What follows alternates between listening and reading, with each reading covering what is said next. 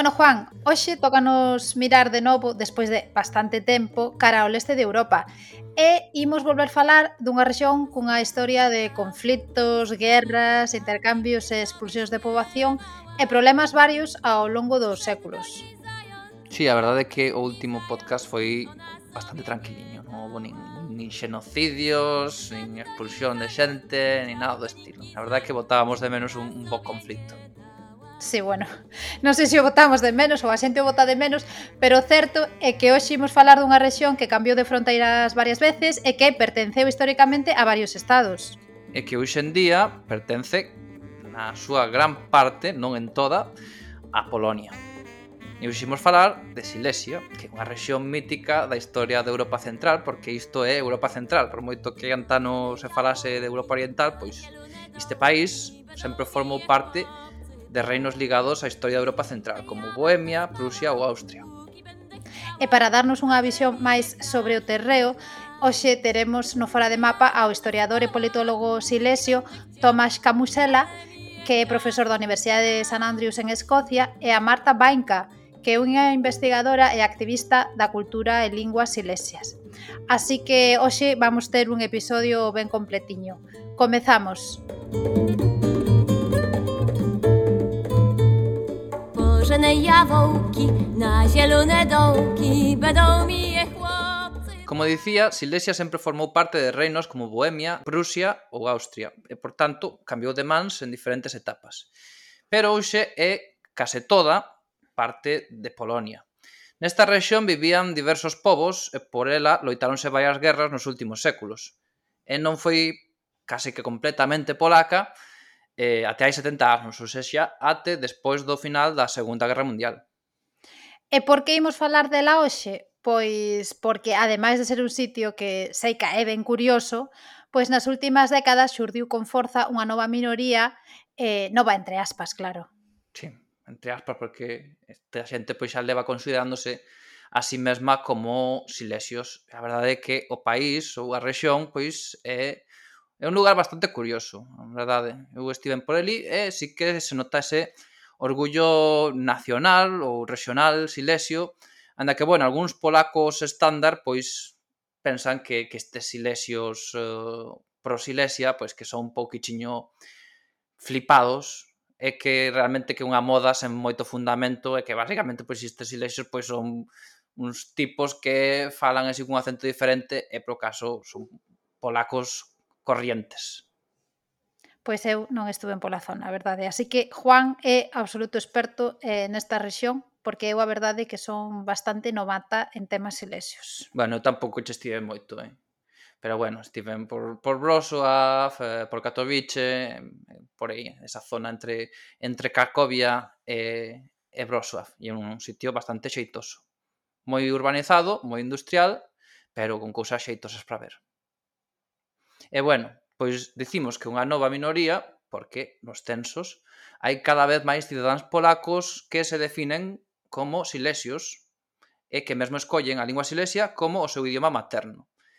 Aínda que esta identidade de lingua non son recoñecidas pola legislación de Polonia.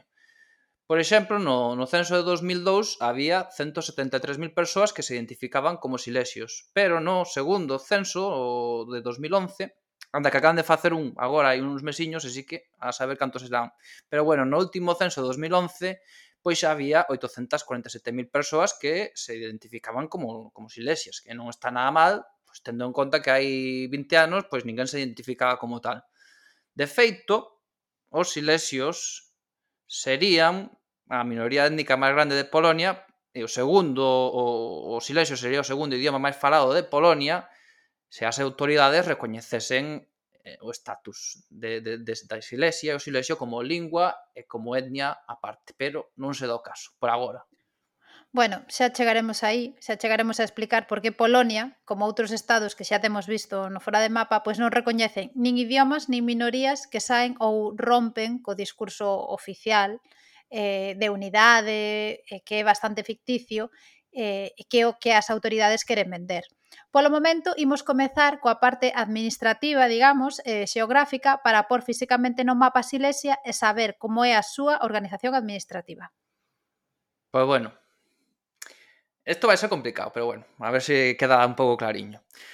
A día de hoxe, a rexión está fundamentalmente no sudoeste de Polonia, ou sexa, na ribeira do río Oder e os pés dos Montes Sudetes. Mas tamén hai unha pequena zona da, da Silesia histórica no noreste da República Checa, que forma pois, eh, a provincia checa de Silesia. Hai un anaquiño ali pequeno onde está Ostrava e tal. De feito, nesa, nesa zona da República Checa, nesa esquiniña, pois vive unha pequena minoría polaca, ainda hoxe, que ten uns, unha serie de dereitos recoñecidos. Pero bueno, non quememos etapas. A Silesia polaca, que aquí imos tratar principalmente, e sobre todo da Alta Silesia, pois eh, esta Silesia polaca pois eh, está dividida en dúas partes. A Baixa Silesia, que é a parte occidental, máis próxima a Alemanha, e logo a Alta Silesia, que é a da que imos falar máis, que está o leste, xa tirando hacia Cracovia, digamos, hacia, hacia Galicia famosa.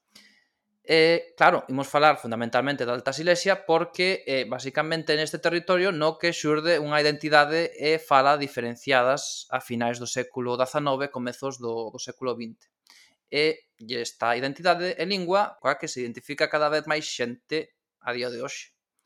Esta subrexión, chamémoslle así, da Alta Silesia, pois hoxe abrangue dúas provincias polacas, que son a provincia de Opole, e é a provincia de Silesia que é Silesia secas, pero bueno, é un anaquiño pequeno da Silesia histórica.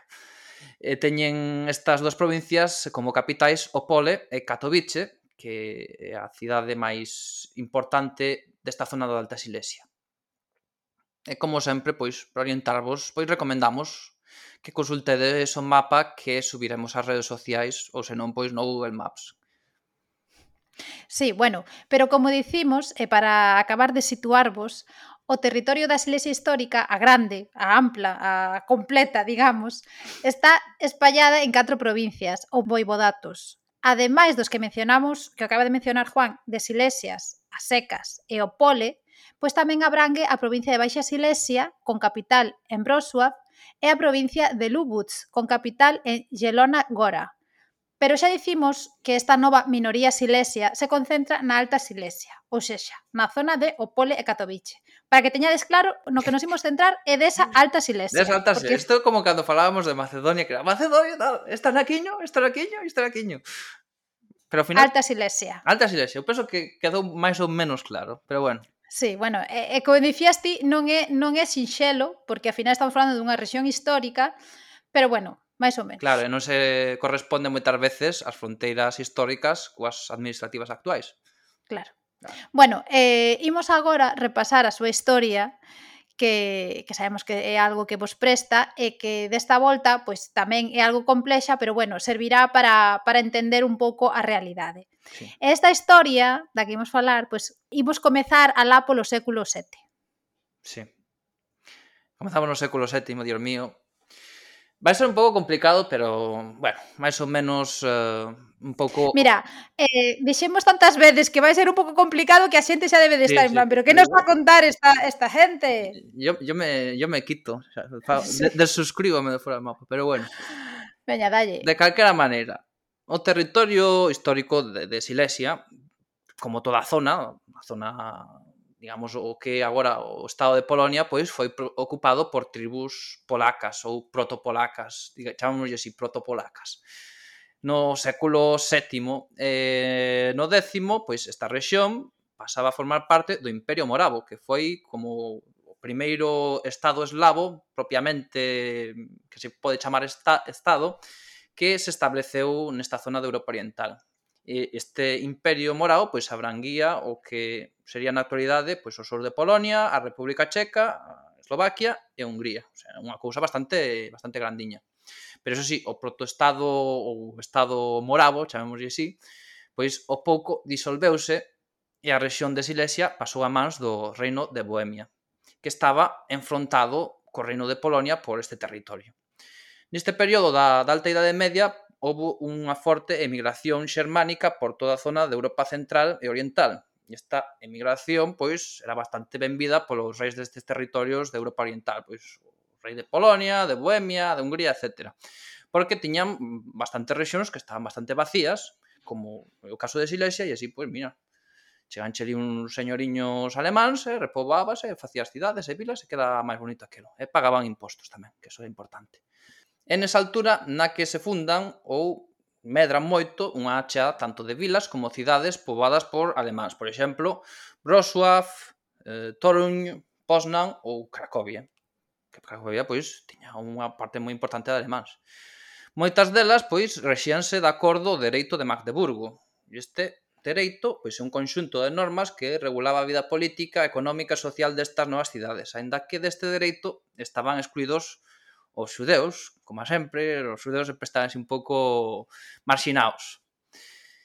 Entre outras cousas, este código tamén influía no, no urbanismo da cidade e daballe moita importancia pois, o centro comercial, que como chamamos ya a plaza maior do, das cidades, e que nestas zonas, nestas latitudes, pois chamase Rinek.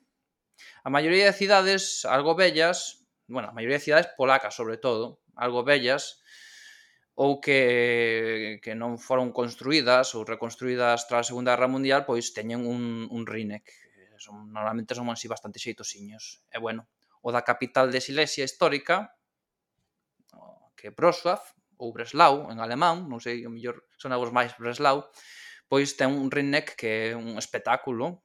Para min é posiblemente o segundo máis bonito de Europa, porque, bueno, o de Cracovia está mellor, a no que recoñecer.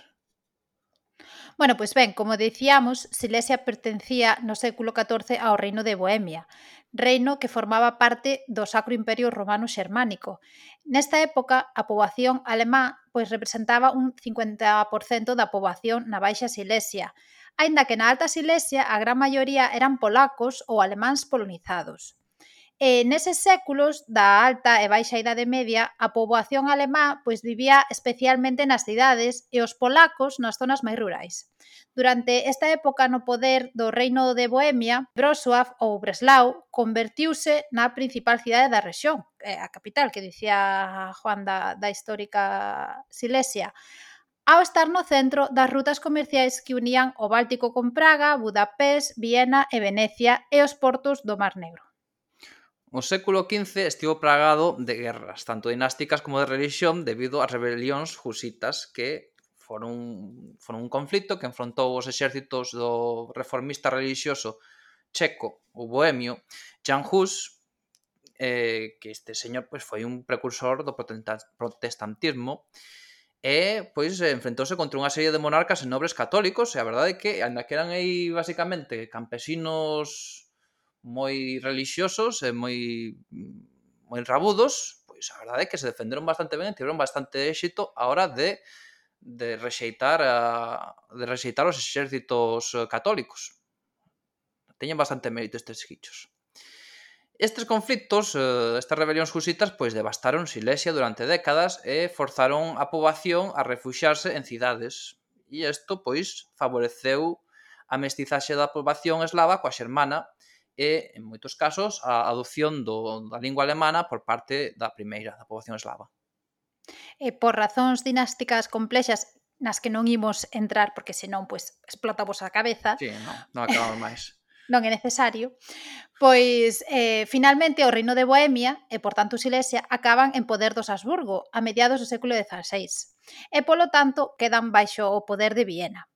E os Habsburgo xusto comezan a dominar Silesia cando o protestantismo se expande con bastante forza na rexión, facendo que a gran maioría da poboación, e mesmo os nobres, adopten esta doutrina. De feito, a primeira universidade protestante de Europa foi inaugurada en Silesia, en Liegnitz, ou agora chamada Legnica, en polaco. Iso sí, esta fe protestante pois provocaría problemas con algún monarca Habsburgo supercatólico. Isto significou, pois, de novo, pois represión, eh, rebelións por parte da poboación local. Especialmente estas rebelións e esta violencia relixiosa pois deuse durante a Guerra dos 30 anos que, que sucedeu no século XVII e no que as forzas católicas dos Habsburgo pois esmagaron os protestantes da, da rexión para logo fuxir dos exércitos suecos que asolaron toda a rexión, que aquilo eran imparables os exércitos suecos, eh? a verdade, eh, para min que sempre se ve así a Suecia como un país tranquiliño, con Ava, e Ingrid Malmsteen eh, e influenza e tal, pois, joder, pero aí os suecos paseando a sus anchas por Polonia e Europa Oriental adiante, pois é sorprendente. Pero bueno, O final, o, o final do conflicto, pois, impúxose o catolicismo en Silesia, quitando algunhas excepcións nas que se permitía a liberdade de culto como en Wrocław. O conflicto, ou a Guerra dos 30 anos, pois foi pois un dos conflictos máis devastadores na historia da Europa Central e esnaquizou moitas vilas e cidades silesias que non recuperarían a poboación orixinal até o século XIX. E a mediados do século XVIII, a maior parte de Silesia, a que hoxe parte de Polonia, caeu en mans de Prusia, tras derrotar a Austria nun momento de debilidade desta, e este cambio de soberano pois foi bastante ben recibido pola, pola maioría da poboación. Iso sí, este cambio de mans supuxo que a administración e a, e a educación deixasen de usar o polaco para empregar o alemán. E bueno, xa sabemos que os prusianos eran menos tolerantes eh, coa diversidade que os austríacos, ou eso se di. Eh, foi este reino de Prusia o que desenvolveu a zona até convertela no século XIX nunha das rexións máis industrializadas e urbanizadas de Europa, con importantes minas de carbón, industrias metalúrxicas e textís, e a rexión pois moi ben conectada por unha densa rede de ferrocarrís. Nesa época, no século XIX, pois un 70-75% da poboación da, da rexión de, de Silesia era alemana e un 20-25% polaca Esta poboación polaca pois concentrábase especialmente na Alta Silesia, ou seja, na zona de Katowice, máis ou menos, xa, tirando hacia o interior do que agora sería Polonia. A porcentaxe de falantes de polaco ia caendo debido ao proceso de, de xermanización, o ser alemán, a lingua de prestixo na Silesia prusiana. E algo semellante sucedía coa confesión dos silesianos, porque cada vez había máis protestantes. Ademais, na Silesia comeza a surdir na, na segunda metade do século XIX un regionalismo identitario propio que foi, eh, foi medrando entre a poboación eslava unha conciencia nacional polaca, sobre todo entre certas capas da poboación mellor educadas. Nesa época, ao finais do, do 19, digamos que o home ou muller silesio estándar pois ou era bilingüe ou trilingüe, e claro, diglósico. Os silesios, os silesios eslavos, polacos, usaban o polaco na igrexa, o alemán coa administración e o seu dialecto, digamos, a, a fala ou lingua silesia, na casa e cos parentes. Sobre todo os homes, claro, porque eran os que tiñan unha vida social e laboral fora da casa. As mulleres, pois moitas veces, só falaban silesio, que era o que falaban na casa, e o polaco que escoitaban na misa. E claro, debido ao carácter multilingüe de Silesia, pois, sobre todo nesa alta Silesia, máis ben na alta Silesia, que era onde había máis xente de todas partes, pois a lingua converteuse no elemento principal de identificación étnica e nacional. E bueno, esta crecente concienciación regional dos, dos silesios eslavos ou polacos ou silesios a secas pois eh, tivo consecuencias tras a Primeira Guerra Mundial Sí, Silesia converteuse nunha zona quente, moi quente, tras a Primeira Guerra Mundial, debido á creación dos novos estados de Checoslovaquia e Polonia e a derrota de Alemanha, claro. Isto provocou que había que definir novas fronteiras nunha rexión onde había unha importante mestura de poboación, como estábamos comentando, e, por tanto, pois, moitas disputas, que non eran sempre só diplomáticas, senón tamén armadas. Por exemplo, as recentes repúblicas eh, checoslovaca e polaca tiveron un breve conflito armado no 1919 dunha semana de duración, máis ou menos, nas que se disputaron a zona de Chesing, que finalmente foi dividida deixando esta cidade tronzada en dous e cunha pequena minoría polaca na zona checoslovaca que aínda existe hoxe en día. Sí, a cidade de Chesing é bastante bonitiña, verdade? Eh? Se podedes, pasai por ali, que é moi agradable. Eu crucei na unha vez ás 6 da mañán correndo como un desgraciado para coller un minibús que me levase a, a, a Cracovia. Pensei que ibas dicir que estabas escapando de alguén ou de algo, no, no, algo no. máis eh, espectacular. Por, por, por, por ir de por ser chipis, por ser chipis por por, por ser roñicas non pagamos o, o tren directo a Cracovia e collimos un tren regional que nos levaba hasta Chesin Checa e de logo elí tíamos que cruzar a fronteira a correr para coller un minibús que nos levase hasta Cracovia e así aforramos 15 euros ou unha cousa así, pero bueno. Oye, pois pues moito non aforrastes, eh? No. tamén lo digo. non, pero bueno, éramos, éramos novos e pobres. Bueno, en canto a Silesia alemana, pois estaba por ver como se dividía, porque claro, Alemanha tiña que ser castigada tras perder a Primeira Guerra Mundial. En ese período posterior á Primeira Guerra, a Primeira Guerra Mundial é cando xurde con forza un movimento nacional na Alta Silesia, digamos, un movimento nacional, chamamos así, o regional, nacional. E este movimento pois era liderado polo clero católico que buscaba a creación dun estado libre, neutral e baixo a tutela das, da Liga das Nacións, algo así como unha especie de bueno, un, como unha cidade libre como Danzig ou, ou Rijeka, pero algo así un pouco máis amplo. Eh, sería algo así como unha especie de estado de transición entre Alemanha e Polonia, no que tanto polaco como alemán pois fosen oficiais e no que o Silesio fose recoñecido tamén. Pero bueno, este movimento separatista ou proto-separatista, chamémoslle así, pois foi suprimido tanto por Polonia como por Alemanha. Eh, para decidir a quen pertencía a Alta Silesia e acabar coa periódica violencia étnica na zona, pois celebrouse un referéndum. Que me parece unha medida bastante civilizada para solucionar os problemas, non é? Eh. Bueno, eh, nesa época era, era moito de referéndums neste tipo de rexións así misturadas, pero bueno. A rexión nesa altura pois estaba habitada só a Alta Silesia, recordamos, por un 60% de persoas que se identificaban como, como polacos ou silesios, ou sea, eran persoas eslavas, e un 40% de alemáns. Ainda así, unha maioría dun 59% votou porque Alta Silesia ficase dentro de Alemanha, supoño que pois porque lle verían un máis futuro o Estado alemán que o polaco, anda que bueno, non sei eu ao final. Ningún dos dous eh, lles foi moi ben ao cabo de 25 anos, pero bueno. Iso sí, non impediu isto, esta, este referéndum, esta votación, a solución máis ou menos civilizada, pois non impediu un, levanta, un levantamento de parte da poboación polaca que demandaba a anexión da Alta Silesia á nova República Polaca. Este levantamento provocou unha pequena guerra entre milicias polacas e alemás, conflito que só foi detido tras a intervención das forzas de ocupación británicas e italianas. Porque nesa época había forzas de ocupación nesa esquina de Europa, que parece bastante sorprendente. Pois pues sí. A verdade me sorprendeu bastante que houvese ali... Imagínate, coitado, tú és un, un soldado británico ou italiano que xa estás cheo de pelexar na Primeira Guerra Mundial e teñente que mandar hasta lá. Uf O que queres é ir para casa, que xa hai paz. Pois pues no. Pois pues no. Ahora marches para para arriba a, a, a, a mirar. A comer a comer panceta. Bueno, finalmente, e debido a presións das potencias, especialmente Francia, que quería castigar a Alemanha e eh, reforzar o seu reforzar o seu novo aliado polaco, pois acabouse cedendo parte da Alta Silesia a Polonia.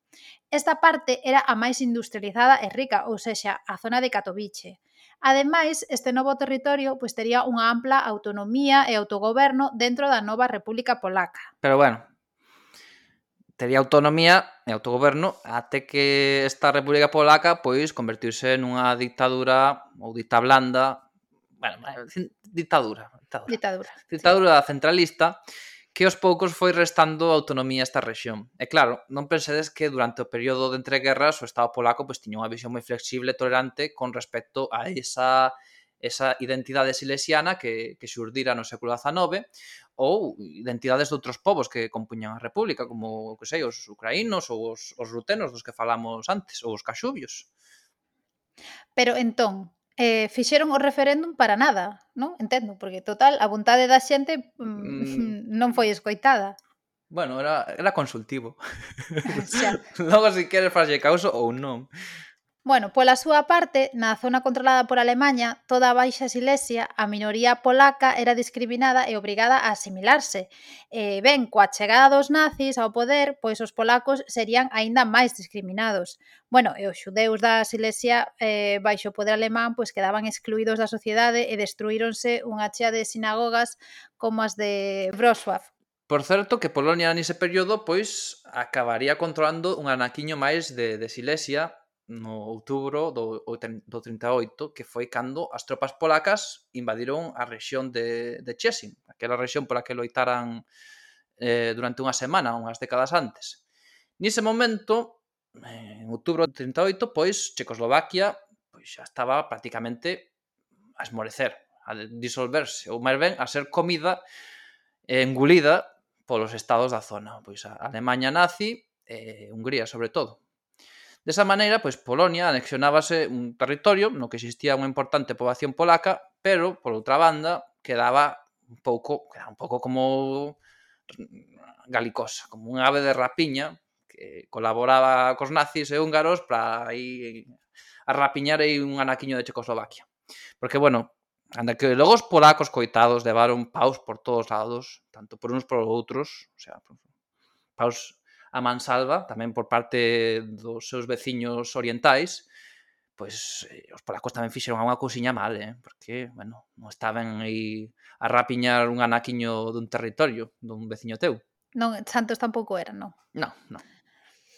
Bueno, obviamente a Silesia, tanto a parte alemá como a polaca, sería completamente ocupada pola Alemanha nazi do 39 ao 45 Durante esa época a poboación xudía e cigana foi exterminada, como xa saberedes, e de feito o campo de exterminio máis grande, o de Auschwitz, estaba xusto na fronteira de Silesia con Mavopolska. Mais a poboación local non alemán tamén foi masacrada e explotada. Pois sí, porque os polacos, coitados, tamén recibiron paus a mansalva, coitadiños. Os polacos, polacos polacos étnicamente polacos, non, non, non nos referimos aos cidadáns de Polonia, xudeus e ciganos que eses tamén levaron máis aínda. Pero bueno, coa chegada do réxime comunista instaurado na Polonia de posguerra, pois realizouse unha completa polonización da rexión, coa que se buscaba eliminar completamente a identidade alemana. E isto, pois, axudou a, a fuxida masiva e expulsión tamén de, de alemáns E moitos destes, pois, morreron en campos de concentración en territorio polaco, eh, pero, cando digo moitos, digo bastantes miles, eh, que eran metidos aí nos campos de concentración dos nazis e a verdade é que o pasaban bastante mal, os coitados. Porque, bueno, a maior parte serían civis que pouca culpa terían as barbaridades que fixo o réxime. Pero bueno, isto esta morte e esta expulsión de, dos alemáns ou fuxida, pois conlevou a despoboación de importantes partes do territorio de Silesia, por exemplo, a Baixa Silesia, que é a parte máis occidental, tirando xa hacia Alemanha, que foi transferida de, de Alemanha a, a Polonia, pois estaba poboada maioritariamente por alemáns, ate que foron como xa dixemos, ou, ou mortos, ou fuxiron, ou foron expulsados. E claro, este territorio pois tiña que ser repoboado por polacos que viñan de zonas orientais de Polonia. Zonas orientais que nese momento foron anexionadas pola Unión Soviética, ou seja, o que sería hoxendía o occidente de, de Ucraína e Bielorrusia. Tamén foron reasentados nesa zona miles de rutenos dos Cárpatos, os que se quería desarraigar e asimilar, como xa explicamos no, no episodio aquil, fantástico episodio, por certo, dedicado a esa minoría. Ademais, alrededor de 60.000 destes alemáns de Silesia, ou xa silesios demasiado xermanizados po, po gusto do, do, do novo réxime comunista polaco, pois estes foron enviados aos gulags da URSS. E así, pois, buscábase homoxeneizar e reemplazar a poboación xermana ou xermanófila por outra xa puramente polaca. Esta homoxenización tamén se realizou mediante un proceso de verificación e rehabilitación, ou sexa, de xermanizar e polonizar. Que son así un pouco como un champú ou un deterxente, algo así. Desermaniza e poloniza. Non sei que deterxentes ou champús eh, usas ti, pero son che ben raros. Eh, os meus teñen nomes máis normais, polo menos. Bueno, pero digo acción, digo acción. Bueno, Desxermaniza sí. e poloniza. Bueno, neste proceso cualificábase a poboación local segundo a súa etnicidade e orixe para ver se eran expulsados ou non. E digamos que eh, se englobaban en catro grupos. Eh, o primeiro serían as persoas cunha clara identidade polaca, os polacos, así, as secas en xeral. Os segundos eran aqueles que coñecían o polaco, ou seja, pois os silesios que usaban a súa lingua, a súa fala eslava, pero non sentían gran aprezo polo estado polaco. Os terceiros eh, serían as persoas que non falaban polaco, nin silesio, nin nada que se lle parecese, ou seja, silesios de fala alemá, pero que ou ben tiñan apelidos que sonaban como polacos, ou tiñan algún trazo étnico ou cultural claramente polaco. E polo tanto, pois aínda eran digamos, polonizables. E por último, eh, nese grupo de catro estarían os que eran alemáns sen dúbida ningunha e aos que se lles invitou cordialmente a marchar do país. Se se lle pode invitar a alguén cordialmente a abandonar un país, claro. Eu creo que era con pedindo por favor. Proxe panie, idź do Niemce, algo así, dirían. Bueno, dos que quedaron alta Silesia, a gran maioría destes eh, medio alemáns ou algo xermanófilos, digamos, pois a gran maioría tiveron que sufrir un proceso de, de xermanización que se chama obniemčanie en polaco, ou seja, tiveron que sufrir pois unha situación nas que se lles eliminaba topónimos alemáns, eliminábase o uso público do idioma alemán, mesmo nas tumbas tamén, pois quitábase, reemplazábase os textos en alemán, prohibíase, prohibíase a publicación de, de xornais ou revistas neste idioma, etc. E a vez aplicábase un proceso de repolonización ou repolonizacia. Ou seja, impuñase a lingua e cultura mm, polaca eh, co que sustituir todo aquilo que sonase alemán.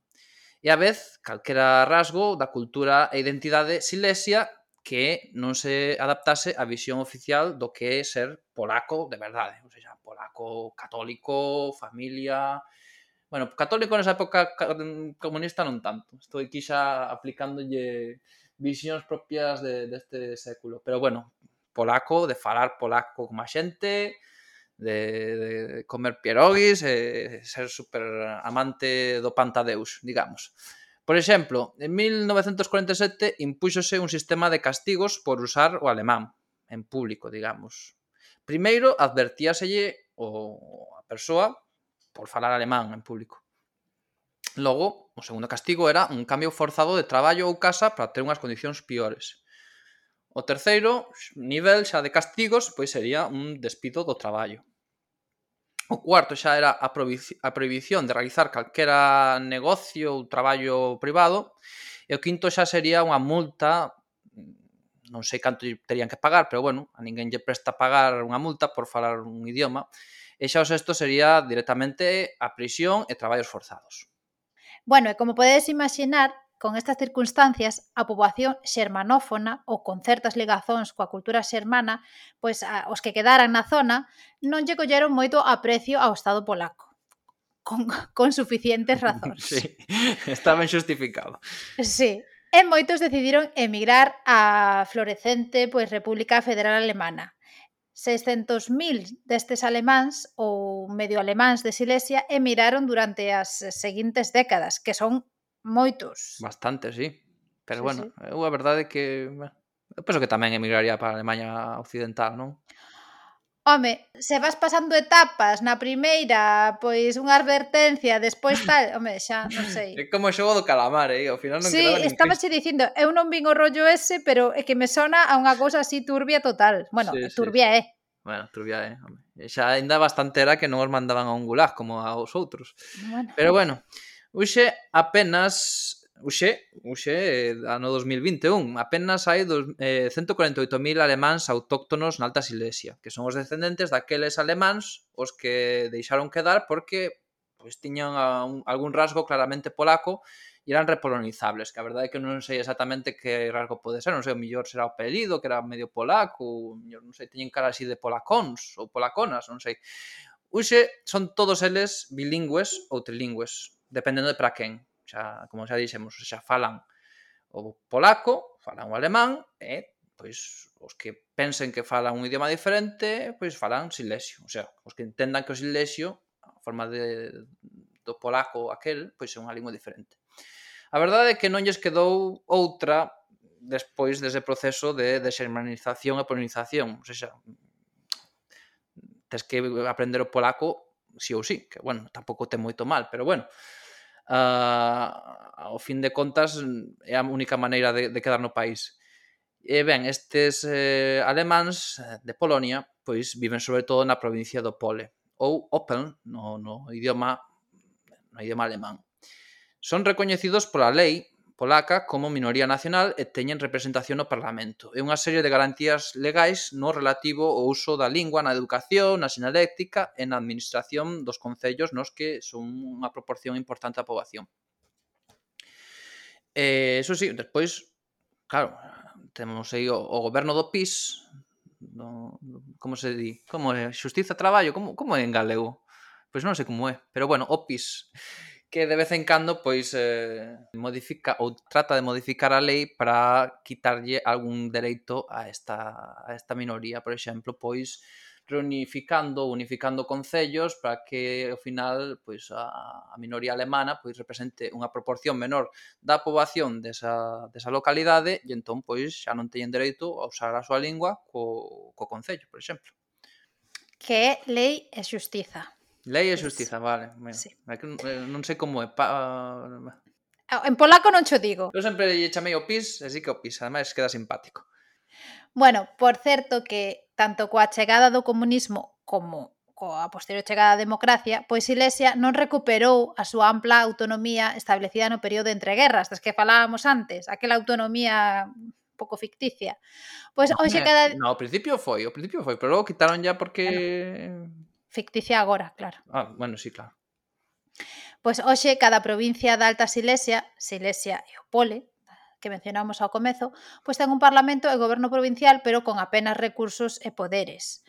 Eh, non, non ten prácticamente poderes reais. No. E bueno, ahora que coñecedes a historia, pois podemos falar eh, un poquichiño desta crecente identidade en lingua silesia que é abrazada por cada vez máis xente, pero rexeitada por moitos polacos, que soa ben como unha serie de características pintorescas eh, locais e non suficientes como para falar dunha lingua e etnia separadas. E nós non nos imos meter e dicir que si, si é así ou non, eh? porque a verdade é que tanto como para tomar unha posición non coñezo. Pero bueno. Eu tampouco. Pero como en estas cosas sempre hai dúas versións. Hai, ou máis, ou tres ou catro. Bueno, sí, infinitas. Dziękuję panie przewodniczący. Zjednoczona w różnorodności to motto Unii Europejskiej. To piękna idea. Składa się na nią wiele elementów, a jednym z nich jest szacunek i wsparcie dla podmiotowości etnicznej, językowej i kulturowej. Este que escoitabades era o diputado Lukasz Kohut, falando Silesio no Parlamento Europeo para demandar o apoio a unha iniciativa legislativa popular que reforzase as garantías ás minorías étnicas e lingüísticas na Unión Europea. E claro, pois os intérpretes eh, do, do Servicio de, de Interpretación do Parlamento Europeo pois quedaron na inopia absoluta pois porque non entenderon o que, o que dicía ese señor. Os silesios que sinalan que a súa lingua materna é o silesio, pois son 509.000 persoas. De acordo á súa visión, eh, de moitos ou algúns lingüistas, non sei se son moitos ou poucos, pero hai lingüistas que sinalan que o silesio sería diferente ao polaco. E, por tanto, sería unha lingua con todas as da lei. Non só por, por ter unha serie de características fonéticas ou morfolóxicas propias, como poden ter moitos dialectos dunha mesma lingua, pero tamén porque ten un léxico diferente, con moitos máis préstamos lingüísticos do alemán debido á influencia e contacto que a, o silesio pois tivo durante durante séculos porque conviviron con xente de fala alemana e en estados que eran eh, propiamente alemáns como Prusia ou, ou Austria Ademais, o alfabeto silesio, que non é oficial, é unha cousa así non oficial feita por, por activistas, pois ten diferentes letras e maneiras de grafar, de grafar os sons eh, con respecto ao polaco. Ou seja, en vez de escribir CZS ou SZ para dicir sh ou sh. Como fan os polacos, pois poñen un C ou un S cun rabiño por riba e xa está. É máis eficiente, o sea, forraste escribir tres ou, ou dúas letras xuntas. Pero bueno, de calquera maneira, existe unha chea de, de iniciativas por parte de activistas para protexer eh, a, a identidade e lingua silexias. E destas vai nos falar a Marta Bainca, cando entrevistemos dentro dun anaquiño. Bueno, e tamén podedes escoitar eh, o despacito eh, en Silesio, que por parte dunha banda que deben de ser, non sei, os de vacas de Alá. Debe ser unha versión parecida a que fixeron as eh, de vacas, pero en versión Silesia.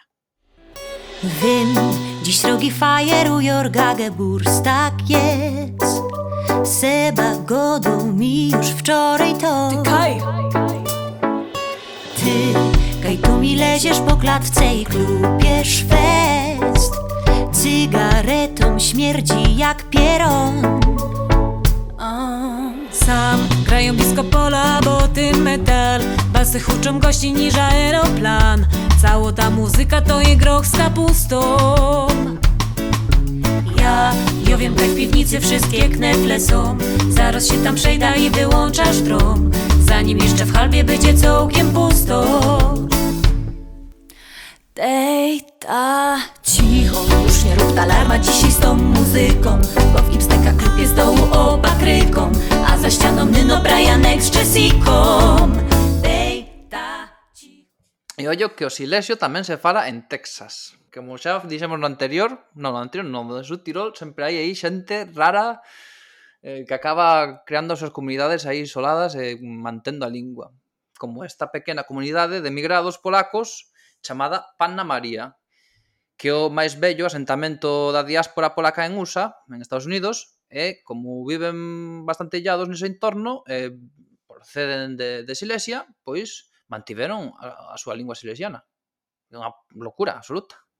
Ah, sí, a verdade que en Estados Unidos atopas de todo. Calquera día que vais por Estados Unidos, por Tennessee adiante, vai acabar atopando unha aldea de paisanos falando galego congeada ese seu, xa verás. Hai aldeas, bueno, aldeas ou cidades de vascos. Sí, eso sí. Elí en, onde? En Idaho, non? Había que ir un día por elí, que debe de haber boa... Non sei que haberá. Sí, a Idaho se nos queda un pouco de desmán. Paisaxe bonita, seguramente. Eh, vascos. Bueno, en o relativo á cultura silesia hai diferenzas tamén con respecto á cultura mm, oficial típica polaca. Unhas diferenzas que se fundamentan nesa historia ligada tanto aos veciños alemáns, eh, a súa cultura alemana, como o dominio destes reinos mm, propiamente alemáns, como Austria-Prusia, durante, nesa rexión durante séculos. Por exemplo, a cociña silesia pois é bastante similar á alemana. Por exemplo, teñen unha cousa que o rin de roulat, que é como un rolo de carne, que é tamén típico de Alemanha, ou os gumiklits, gumiklits, eh, espero que pronunciase correctamente, que o Sidesio ainda non o domino de todo, eh, son pois como os dumplings da zona, que son feitos con pataca e son bastante similares aos eh, dumplings checos ou alemáns. Son bastante, a verdade, me encantan os dumplings checos, encántame. E bueno, pois son, en vez de ser parecidos aos pierogis polacos, que sería o lóxico ser Silesia parte de Polonia hoxe, pois non. Teñen moito máis que ver co, coa versión checa ou, polaca, eh, ou alemana que coa polaca. E bueno, tamén ten unha relevancia especial a forte industrialización e urbanización da zona. Por exemplo, a primeira máquina de vapor do continente foi instalada en Tarnowski Gori en 1788. Esta industrialización determinou un pouco pois o carácter da rexión e as súas xentes tanto no nivel social, económico como no etnolóxico. Por exemplo, agora que estamos pechando por toda Europa e por todo o mundo, pois minas de carbón, hai bastantes resistencias nesa zona. Non só polo impacto social e económico obvio, senón tamén porque a minería é unha actividade ligada fortemente á cultura e identidade de Silesia. E esta identidade, pola contra, é vista por parte do goberno polaco como unha mostra da diversidade propia da nación polaca. Pois, esta xente pois, son os polacos desa esquina, son un poquitinho diferentes, pero é parte de, da, da diversidade propia do, da nación. Segundo o goberno, os silesios son un dos grupos étnicos que compoñen a nación.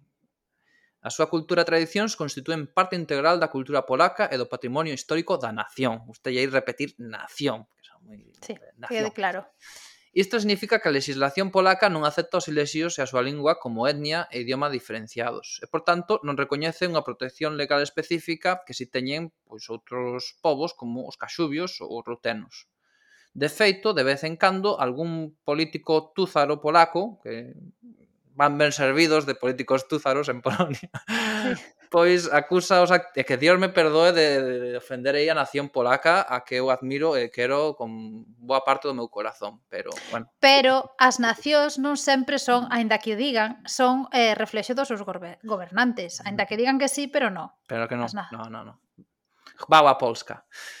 Eh, pois iso que hai políticos tuzaros que teñan acusado a políticos ilexos ou activistas ilexos de seren aí a quinta columna da Alemanha, que son antipolacos e que queren anexionar a Silesia, a Alemanha, bla, bla, bla. Xa sabedes. Sí. Bueno, por tanto, o silesio non é recoñecido como lingua regional polo Estado polaco e non existen garantías legais a nivel nacional para a súa promoción ou prote e protección, vamos, que non existe non existe, non, o idioma silesio non, non existe como tal. Tampouco os silesios son recoñecidos como unha etnia aparte, obviamente.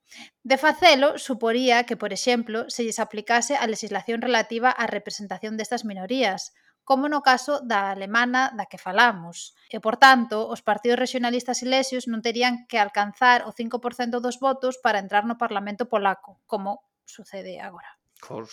Ca minoría alemana.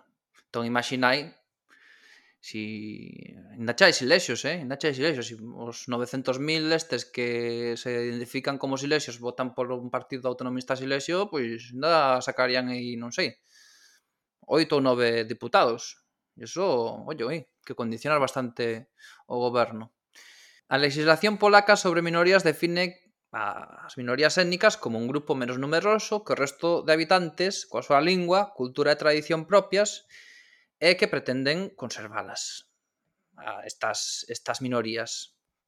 E ademais que teñen conciencia de si sí mesmas como comunidade nacional e que levan a habitar no territorio de Polonia desde hai 100 anos cando menos. E bueno, penso que os ilexios, pois, máis ou menos cumpren con isto, non? O poderían, va, se, se entendes que que os ilexios falan o silexio e que a súa cultura e tradición é propia e non é unha cousa pintoresca dunha zona de Polonia, va.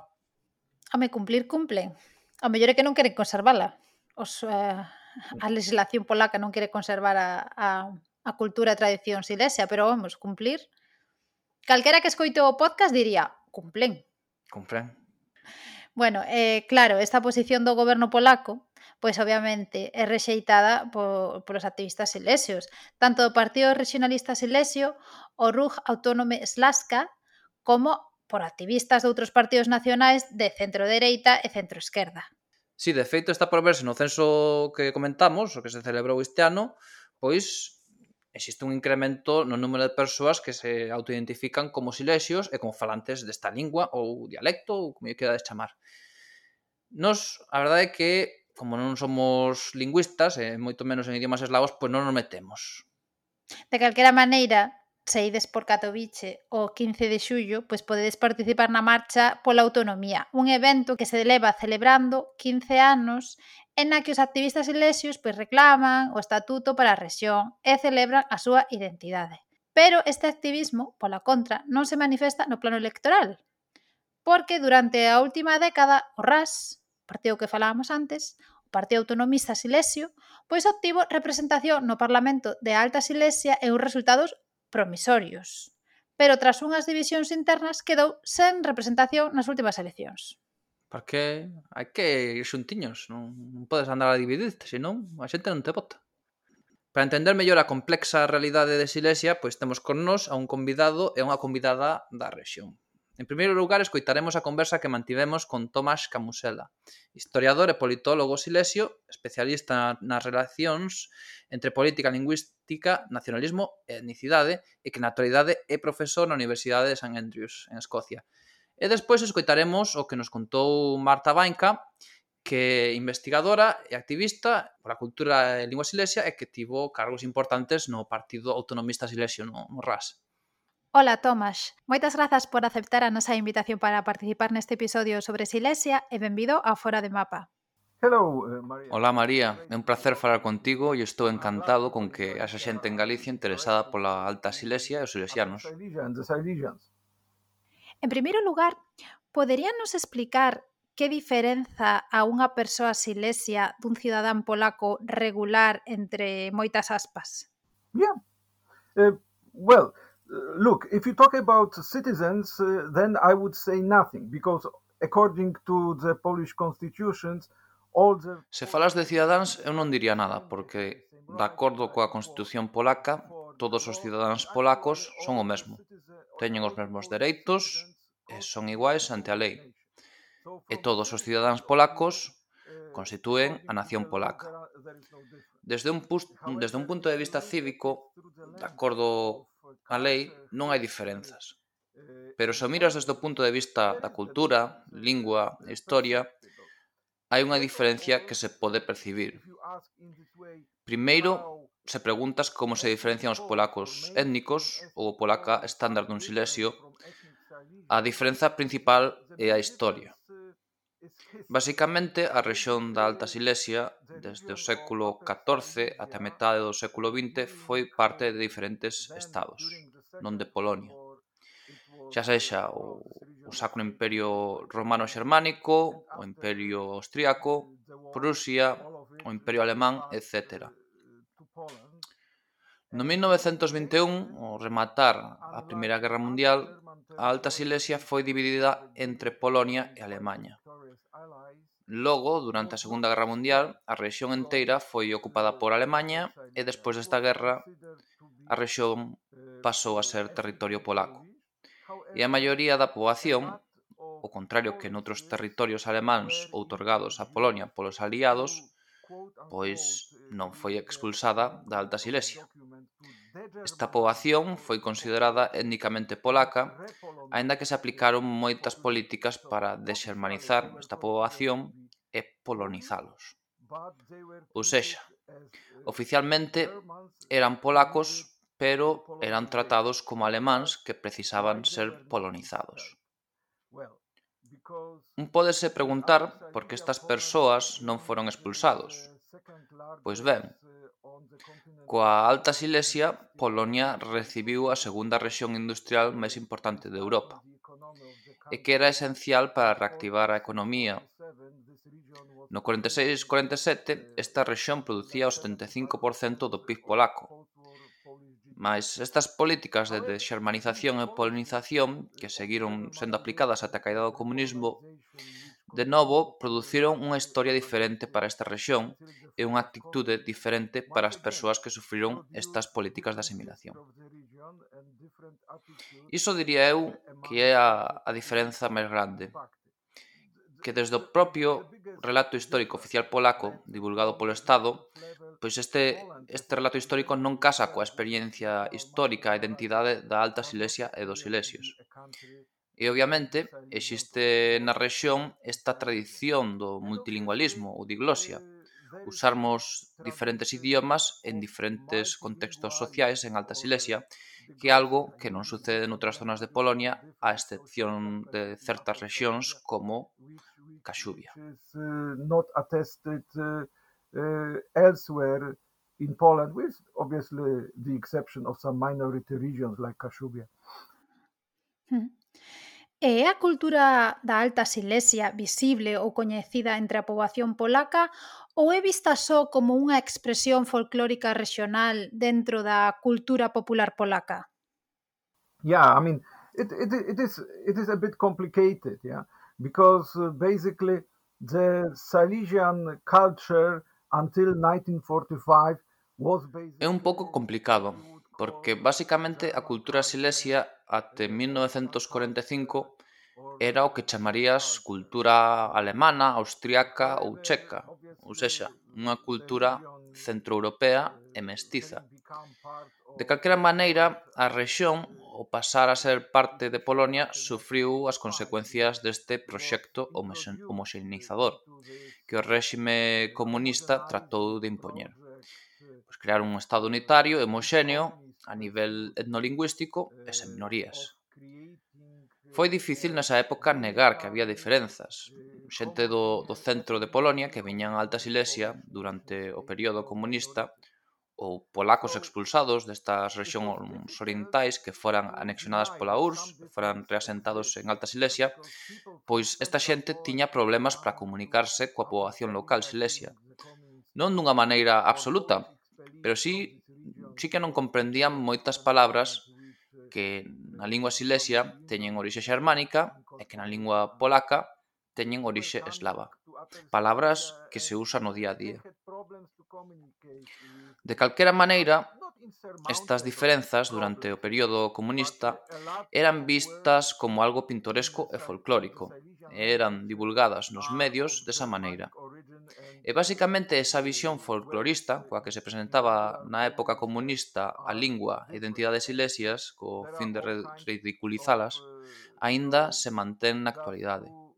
Moita xente pensa que a lingua silesia só vale para contar chistes ou esqueches humorísticos ou para dicir palabróns, Mas isto é produto dunha política desenvolvida e aplicada polo réxime comunista para facer da cultura e identidades silesias pois eh, elementos pouco atractivos e interesantes e, por tanto, destinados á extinción. E esa foi tamén a política do Partido Comunista con respecto a outras culturas regionais e dialectos durante a Polonia da Guerra Fría. Pero ben, cando falamos de, de folclore, un pensa normal, normalmente en zonas rurais, pero en Silesia a cultura rexional está ligada a unha das áreas urbanas máis grandes de Polonia e de Europa Central.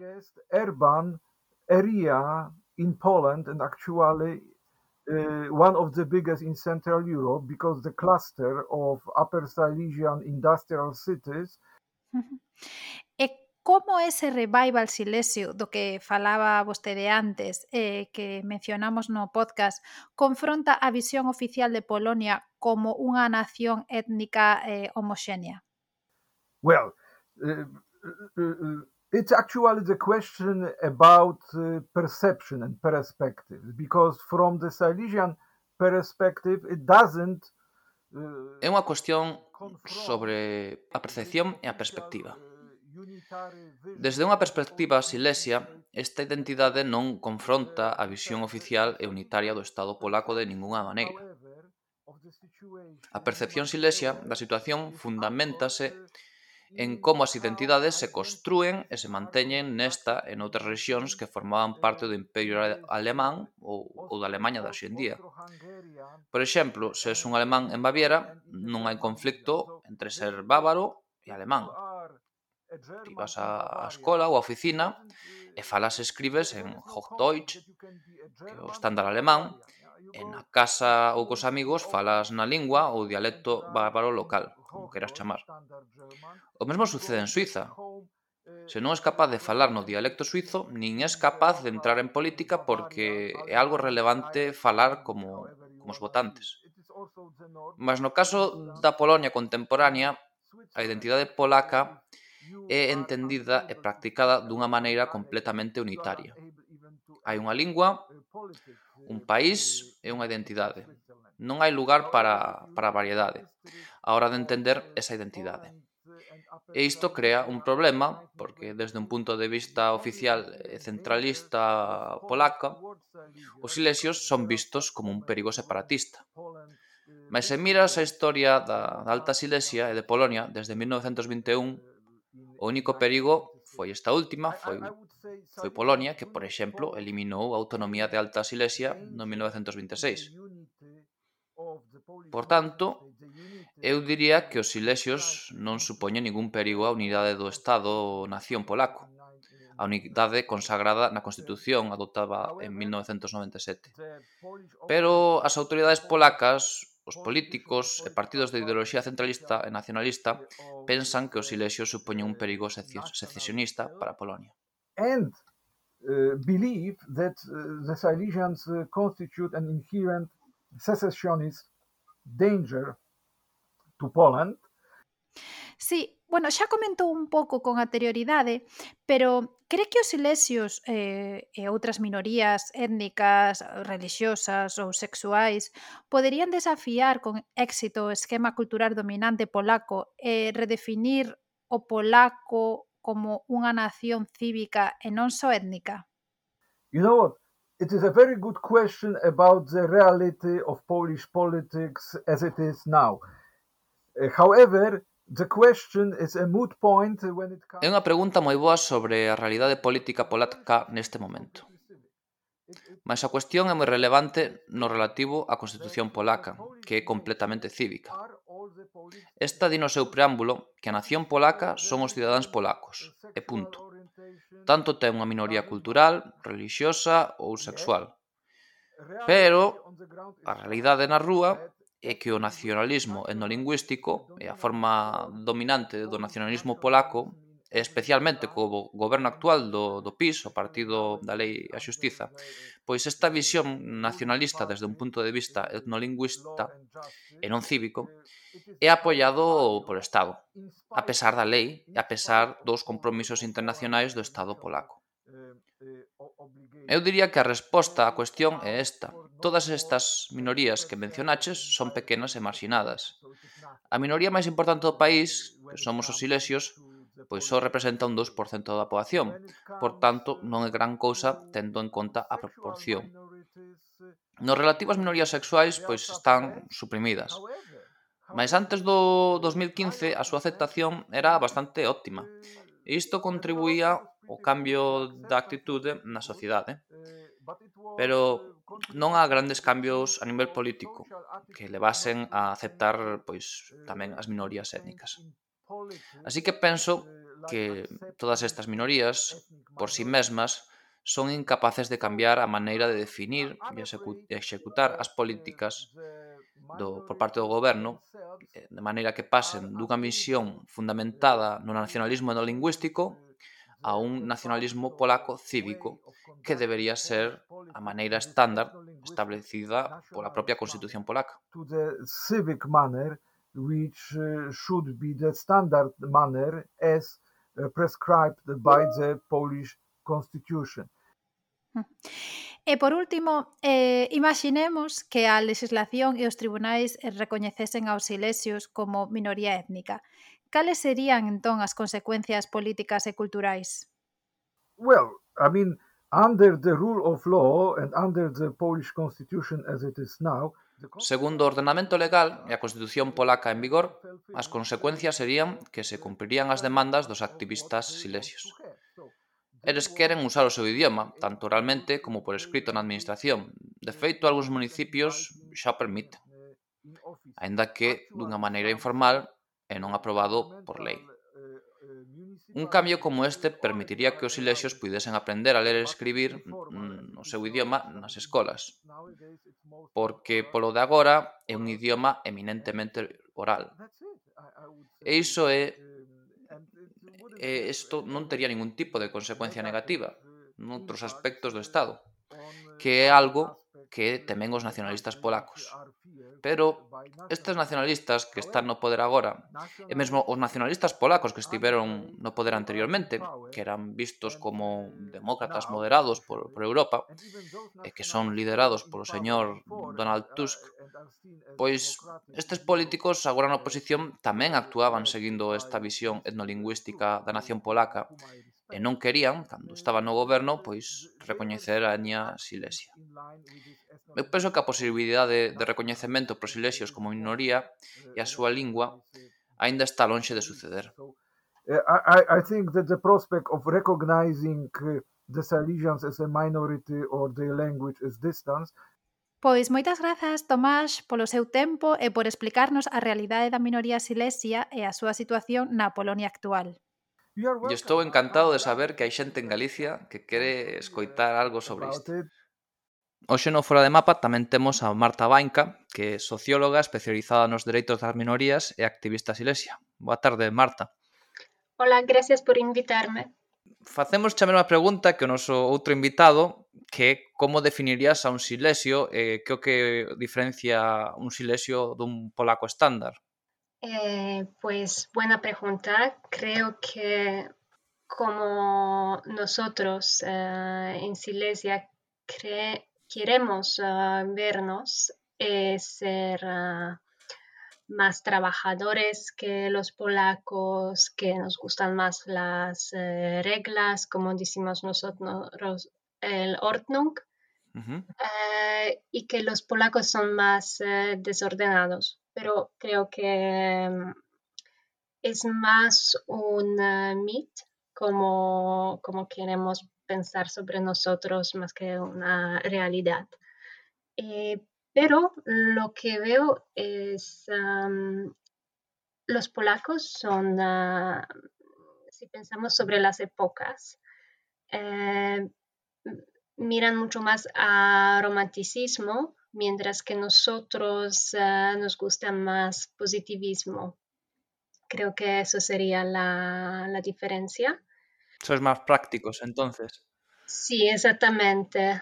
Ah, y otras cosas es que nuestra identidad es más compleja porque no nos identificamos solamente con una cosa muchas veces y como lo podríamos ver en el census de 2011, se podría ver que uno o se autoidentifica como silesiano o silesiano polaco, silesiano alemán o polaco silesiano Así que tenemos muchas variedades. Hay también gente que se autoidentifica como silesianos eh, checos, que una parte de Silesia está también en Chequia. ¿Y la cultura de, Alta Silesia es visible o conocida en Polonia o es simplemente vista como una parte folclórica de una esquina de, Polonia por parte de la población polaca en general? es difícil decirlo. Creo que hay una cosa de, de, misterio entre cómo los polacos nos ven, que no nos entienden ah, bien, que no conocen bien nuestra cultura. Y que por la política hay también esa cosa de vernos como alemanes, como unos que no quieren ser eh, polacos, y que nuestra cultura no es muy visible, aunque esta cosa se cambia gracias a social media, a la moda también, que ahora algunas em, frases o palabras en silesiano están conocidas en eh, toda Polonia. Así que creo que eso poco a poco se cambia, pero la realidad es que no creo que los polacos eh, saben mucho de nosotros y, nos entienden eh, bien. Creo que nos ven un poquito como, mm, digamos, los eh, rebeldes. los rebeldes. Pero ah, también ah, ahora estamos entrando a la cultura alta Ah, por ejemplo, traduciendo los eh, libros a silesiano, porque silesiano hasta ahora nunca fue una lengua escrita en realidad. Eh, ya que mencionas esto, eh, ¿existen planes para estandarizar el idioma? Mm, sí, son ah, justo los últimos, digamos, 15, 10 años de, desde cuando se trabaja sobre, se trabaja de verdad sobre estandarizar la lengua. Y ah, tenemos uh, un activista que se llama Grzegorz Kulik, que tradució muchos libros, incluyendo los libros de un ah, escritor silesiano que escribe en ah, polaco y es muy conocido en toda la Polonia y hace muchísimo para nuestra cultura y nuestra identidad. Ah, y Grzegorz tradució también El Pequeño Príncipe, que fue también hecho como audiobook y eso tuvo mucho éxito y ahora traduce más y más eh, libros conocidos para enseñar que nuestra lengua es una propia lengua y puede ser también escrita. Ah, otra cosa es el teatro, que tenemos un eh, escritor que se llama Janos y su libro más famoso para nosotros, Holonek, eh, trata de una familia silesiana en ah, años ah, antes de la guerra, después de la guerra, y enseña nuestra cultura por lo bueno y malo ah, de, cómo somos. el escritor nació y creció en Silesia, después por la guerra ah, se fue a Alemania, ahora vive en ah, Tenerife, si me recuerdo bien. Non é un mal lugar para vivir. sí. Eh, y es más conocido por sus eh, libros para niños en realidad, pero para no- eh, más que todo en Alemania, pero para nosotros eh, lo más conocido es siempre Jolonek, Ujú. que ya son 20 años desde cuando fue presentado como ah, una obra en eh, Teatro Cores. Y creo que es su único ah, espectáculo que desde cuando, desde la premiera, nunca fue echado, está siempre ahí, cada mes tienen por lo menos un, um, una vez la... Ah, me faltan as palabras, disculpa. Sí. Que está todavía... Presentan a obra unha vez o mes, non? Uh -huh. Sí, okay. sí. Poderías nos dar tamén un, un resumo da, das accións realizadas por activistas para normalizar eh, e, e divulgar tanto a lingua como a cultura e a identidade silesias? Uh -huh.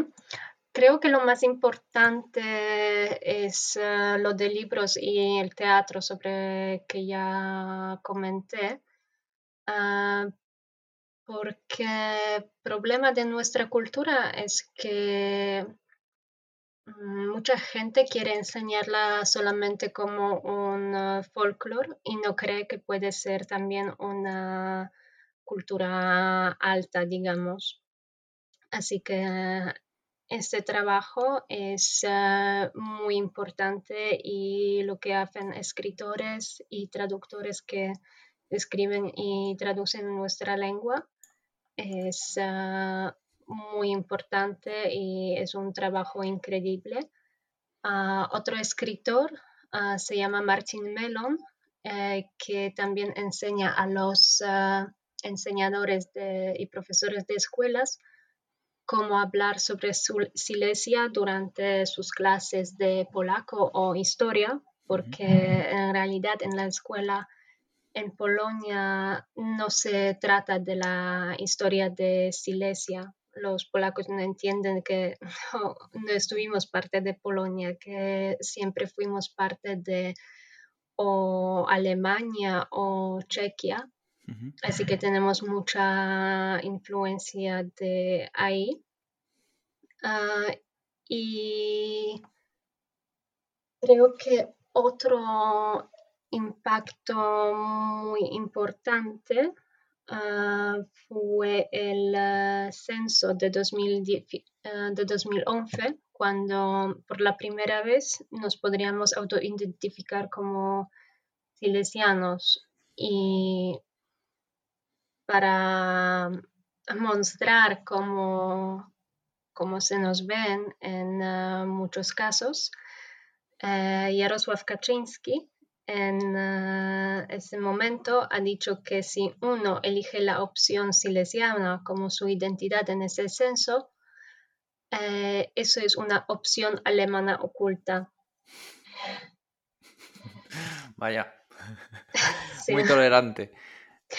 Sí, pero lo hemos utilizado como ah, para lo bueno, porque fue una cosa muy fuerte. Hicimos también ah, los am, t-shirt con ah, Ah, un ah, cameleo y que tenía los colores nuestros y los colores alemanes diciendo opción alemana oculta. Con mucho sarcasmo, sí, señor. Sí, sí. Eh, existe algún tipo de, de apoio por parte das autoridades eh, regionais eh, ou incluso nacionais eh, para dar máis visibilidade ou protexer a identidade e cultura ás iglesias? Mm, no. para nada. En realidad es eh, lo contrario. Hace poco un uh, Instituto Regional de Cultura mm, tuvo su nombre cambiado eh, a un instituto nacional para quitar el nombre regional porque eso ya molestaba. Mm. y el Museo Silesiano, que, mm, bueno, mientras que se, mm, mientras cuando han construido su nuevo lugar, lo hicieron ah, más grande, más bonito, ah, el nuevo director lo hizo la exhibición que enseñaba nuestra historia y su ah, complicidad, como, como fue de verdad que mucha gente se sentía más cerca de Polonia, otros se sentían más cerca de Alemania, como qué pasó ah, antes y durante la guerra, el eh, plebiscito, ah, como teníamos que elegir por dónde mm, quedarnos, cuál parte eh, o, o Polonia o Alemania, que tam- y también creo había una opción de ser el eh, país independiente, pero no tuvo mucho éxito. Y bueno, la exhibición así, contando nuestra historia, no duró mucho. El director fue echado y la nueva directora hizo una exhibición más de propaganda enseñando que Silesia es muy polaca, Silesia es- está siempre polaca y, y nunca fue distinta. Y creo que lo que en lo que las autoridades no ven es que podemos tener la historia eh, distinta que otras partes de Polonia, pero también ser la parte de ese país y ser unos ciudadanos normales. Ujú. E, e como ves o futuro de, de Alta Silesia da identidade de Silesia? Porque mm, os, non hai moito houbo eleccións e o Partido Regionalista, o RAS, non sacou moi bons resultados. Los últimos años se creció una moda entre la gente joven que se empezó creo que con los memes. Ah, había un fanpage en Facebook que hacía memes en silesiano, algunos se fueron ah, muy conocidos, ah, habían exhibiciones con esos memes, cosas así, fue una cosa increíble. Y desde ahí creo que se empezó una moda entre los jóvenes a las cosas silesianas. Se crearon ah, unas eh, tiendas y marcas que hacen los t-shirts o blusas con ah, cosas escrito en ah, silesiano. Y hay más y más am, instituciones y proyectos que enseñan que Silesia puede ser algo guay. Y no, no sé cómo explicarlo bien, fue todo en un momento cuando se empezó que cuando ves cosas en redes sociales lo ves también en silesiano, que Sí. antes fue solamente una lengua que hablaban tus abuelos. Sí, darlle visibilidade ao idioma, a identidade, presentalo como algo positivo, e non algo Sí, sí, arcaico e sí, bello. Y también algo moderno, que Sí, antes moderno. fue un uh, folclore y una lengua de casa. uh, Ujú. eh, Se veía un poquito como, si hablas silesiano, probablemente no eres bien educado. Tenía esa marca de, de no tener nunca al- alta cultura y se cambió tan rápido y es una cosa increíble. Así que creo que ah, gracias a eso podemos cambiar la, esa realidad y, y que la identidad silesiana tiene, tiene un buen futuro. Ujú. Ainda que o Partido Regionalista non entrou no Parlamento nas últimas eleccións, crees que eso, ese factor vai ser importante? No, porque creo que igualmente más cosas ah, pasan afuera de política Ujú. y los resultados de partido fue una cosa complicada porque se crearon otros partidos y, y bueno, han pasado muchas cosas que han resultado ah, así que hemos perdido.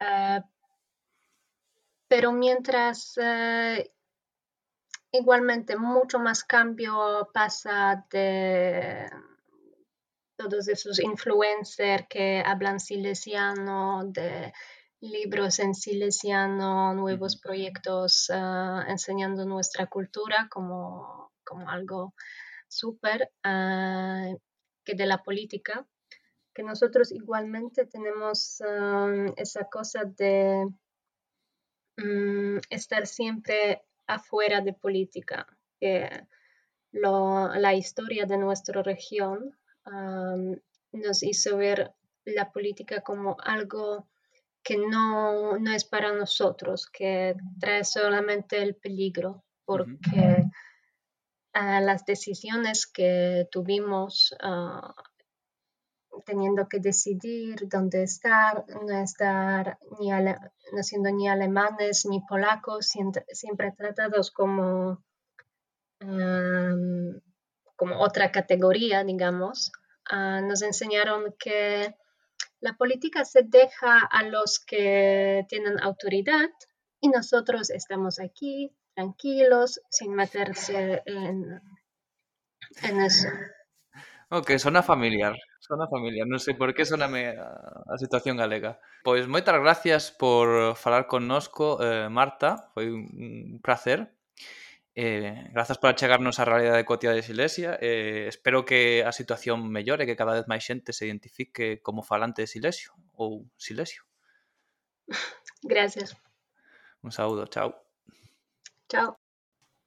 Bueno, e non poderíamos acabar este fora de mapas sen mencionar un dos idiomas de Silesia que un destes tesouriños lingüísticos que me encántame, son de moi míticos desta, destas latitudes e que está en perigo de desaparecer. Igual hai que nos tirará das orellas por centrarnos nestas esmorecentes minorías, pero bueno, a mí encántame estas cousas. Que te tiren a ti, que eres o que buscas esas cousas sí, sí, sí, sí. rarunas. Por non, pero a mí encántame o friquismo puro e duro, pero bueno, este xente, seguro que boa xente, seguimos por elí, daranos de comer ben.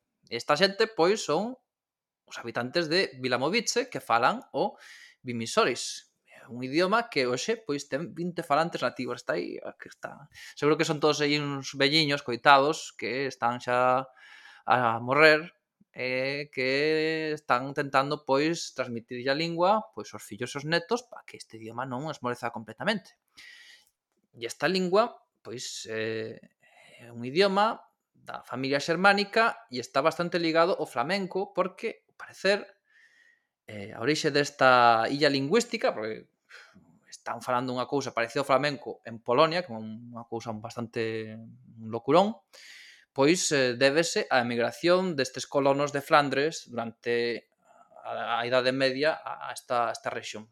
Esta, esta emigración da que falamos ao principio. A lingua, a verdade é que tiña bastante vitalidade ata a Segunda Guerra Mundial. E logo desta, pois, moitos falantes abandonaron o lugar e os que quedaron, pois, o, o novo réxime comunista, pois, les impuso el polaco. Claro.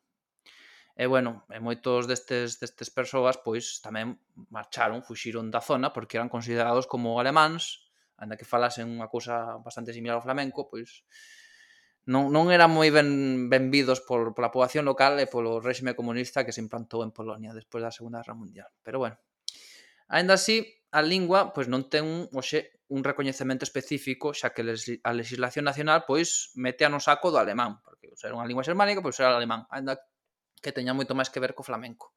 Pero bueno, o municipio de, de Vilamovice, que é un municipio de 3.000 habitantes, pois ten realizado algunhas accións a nivel municipal para salvaguardar o idioma que sona desta maneira que ides escoitar agora.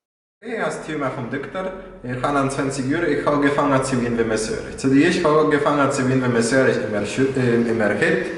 Die haben, können de kenden, per kenden können. Nöchta, fange ich zu gehen in, in Gebäude von Erbschaft, das wir vor. E por certo, que parecer, mesmo traduciron o Hobbit o, o Vimisoris, que debe ser aí o espectáculo. Había que ver como, como se di... Bueno, a verdade é que non tiño Hobbit en galego. Shame on me, shame on me. Mira, Allí... isto do Hobbit eh, é xa como o, el friquismo doble tirabuzón cruzado. Sí, o sea, sí, sí. entre, o sea, estás na túa salsa absoluta. Sí, va a decir que, que había que ver como sona que teño no peto, pero non sei se si, sin galego o traduciron así. Pero eu como non, pues non, sei. non Bueno, acabo de comprar o Señor dos Anéis en galego, editorial Rinoceronte, fantástico, a ver se si o leo este Nadal releo por cuarta ou quinta vez. Porque somos pues frikis. Somos frikis sí. neste, neste podcast. Sí. Bueno, uns máis que outros, pero máis cada un, outros. bueno, ou cada un ten as súas fricadas. Mellor, deixémoslo así. Sí, sí. Bueno, eh, o capítulo de hoxe penso que nos quedou bastante completillo. Sí, non? O sea, ao mellor, ao mellor un pouco denso demais, comparado cos, cos últimos, pero no, no. pero bueno, algún ten que haber, algún ten que no, haber. Pero o seguinte será máis lixeriño, eso, é unha promesa. Bueno, é que, a ver, cando intentas explicar realidades que son moi complexas, pois pues obviamente tes que ao final tes que entrar en demasiado detalle e bueno, pero bueno, a importante é que a xente pois pues eso, eh, se dea de conta de que o que coñeza, non? Que existe esta realidade en Polonia, que Polonia non é un estado único e uniforme. Pois non, Polonia é bastante uniforme, pero tamén xa hai minorías eh, que merecen respecto, eh, cariño, eh, protección e eh, eh, recoñecemento. Eh, anda que a xente, ou digamos, non a xente, o relato nacional polaco pois sexa se fundamente na nación polaca, familia, deus e, e tradición, pois ao fin de contas, pois Polonia é un país como outro calquera, coa súa diversidade, étnica lingüística, eh, sexual, religiosa, etc. Ou sea, non son todos os polacos uns mojero beret, uns uh, votantes do PIS. Non, bueno, eu creo que ademais polo que se ve, bueno, non sei se esa realidade ali, polo que se ve desde fora, eh, moitas veces é verdade que desde fora pois ao mellor vese unha realidade que non é tal cual, pero o que sí que se ve é moito máis movimento social, eh, cidadán, pois eh, sobre todo nos temas da liberdade sexual e, eh, e... Si, os dereitos das mulleres Si, amosan un pouco non que, que está cambiando non esa, ese discurso unitario, ou que polo menos a xente intenta que cambie non sei se eso despois quedan algo ou non, pero... Bueno, cando menos intentan, que xa, xa é bastante Sí, porque ah, teñen países veciños nun que non se ven eses movimentos están nunhas situacións eh, similares.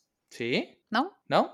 En Hungría, por exemplo. Ah, ok. Bueno, Hungría xa está Sí, pero, bueno, a ver, en comparación, eh, a sensación que se ve sempre desde fora é que en Polonia hai máis activismo nese sí. sentido. Sí, pero bueno, logo se non gañas as eleccións estás por caso no mesmo. Totalmente, claro.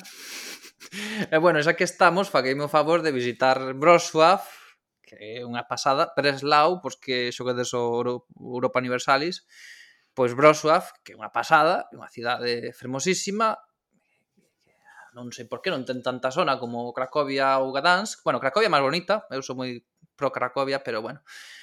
Wrocław é o espectáculo, eh, hai que visitar Wrocław, eh, é eh, ben bonito, eh, comese ben, eh, hai discotecas moi boas, eh, é barato. Bueno, diremos, sí. Eu, a verdade é que estiven a piques de ir o verán pasado. Pero bueno, ao final cambiaron os plans, así que a ver se para o ano para o novo. Pero sí que ten moi boa pinta, sí. de feito eu apenas, o sea, coñecía do nome, pero nunca me puxera así a investigar.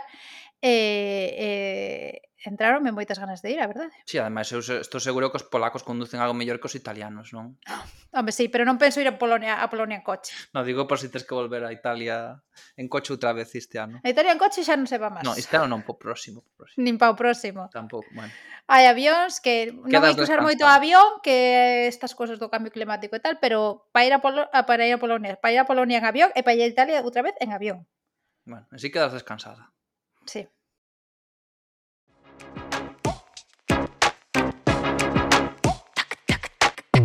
Možná, že jsem nenormální, Hoxe fechamos fora de mapa cunha canción chamada Non é de Eva Farma, unha cantante de pop silesiana que, aínda que non sabemos, a verdade, se se identifica étnicamente como tal ou soamente pois como polaca estándar.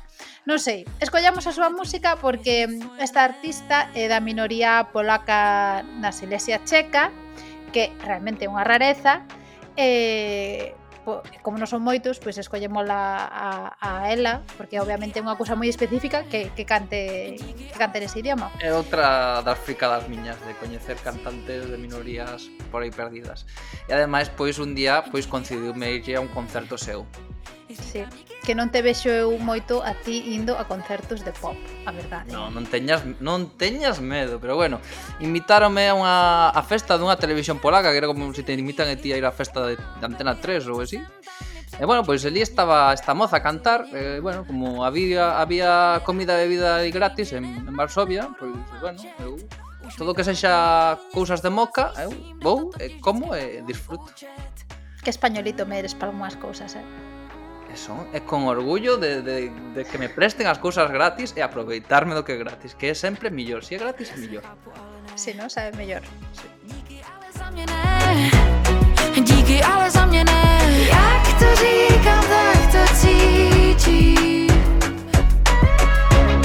Díky, Como ale sempre lembramos vos que nos podedes contactar nas nosas redes sociais en Twitter, Facebook e Instagram e no Goodreads, que é onde temos todos estes libros que utilizamos para bibliografía e tamén o noso email fora de mapa podcast arroba gmail.com Temos tamén unha lista no Spotify que se chama Fora de Mapa que son todas as músicas que aparecen nos episodios. Podedes ir a mirala e eh, escoitala. Eu penso que queren escoitala de Pagan Black Metal Ruteno que puxemos sí, no? outro día, hai un ano.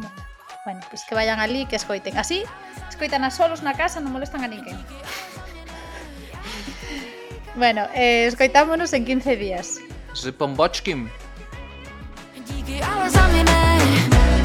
Říkám díky, ale ne.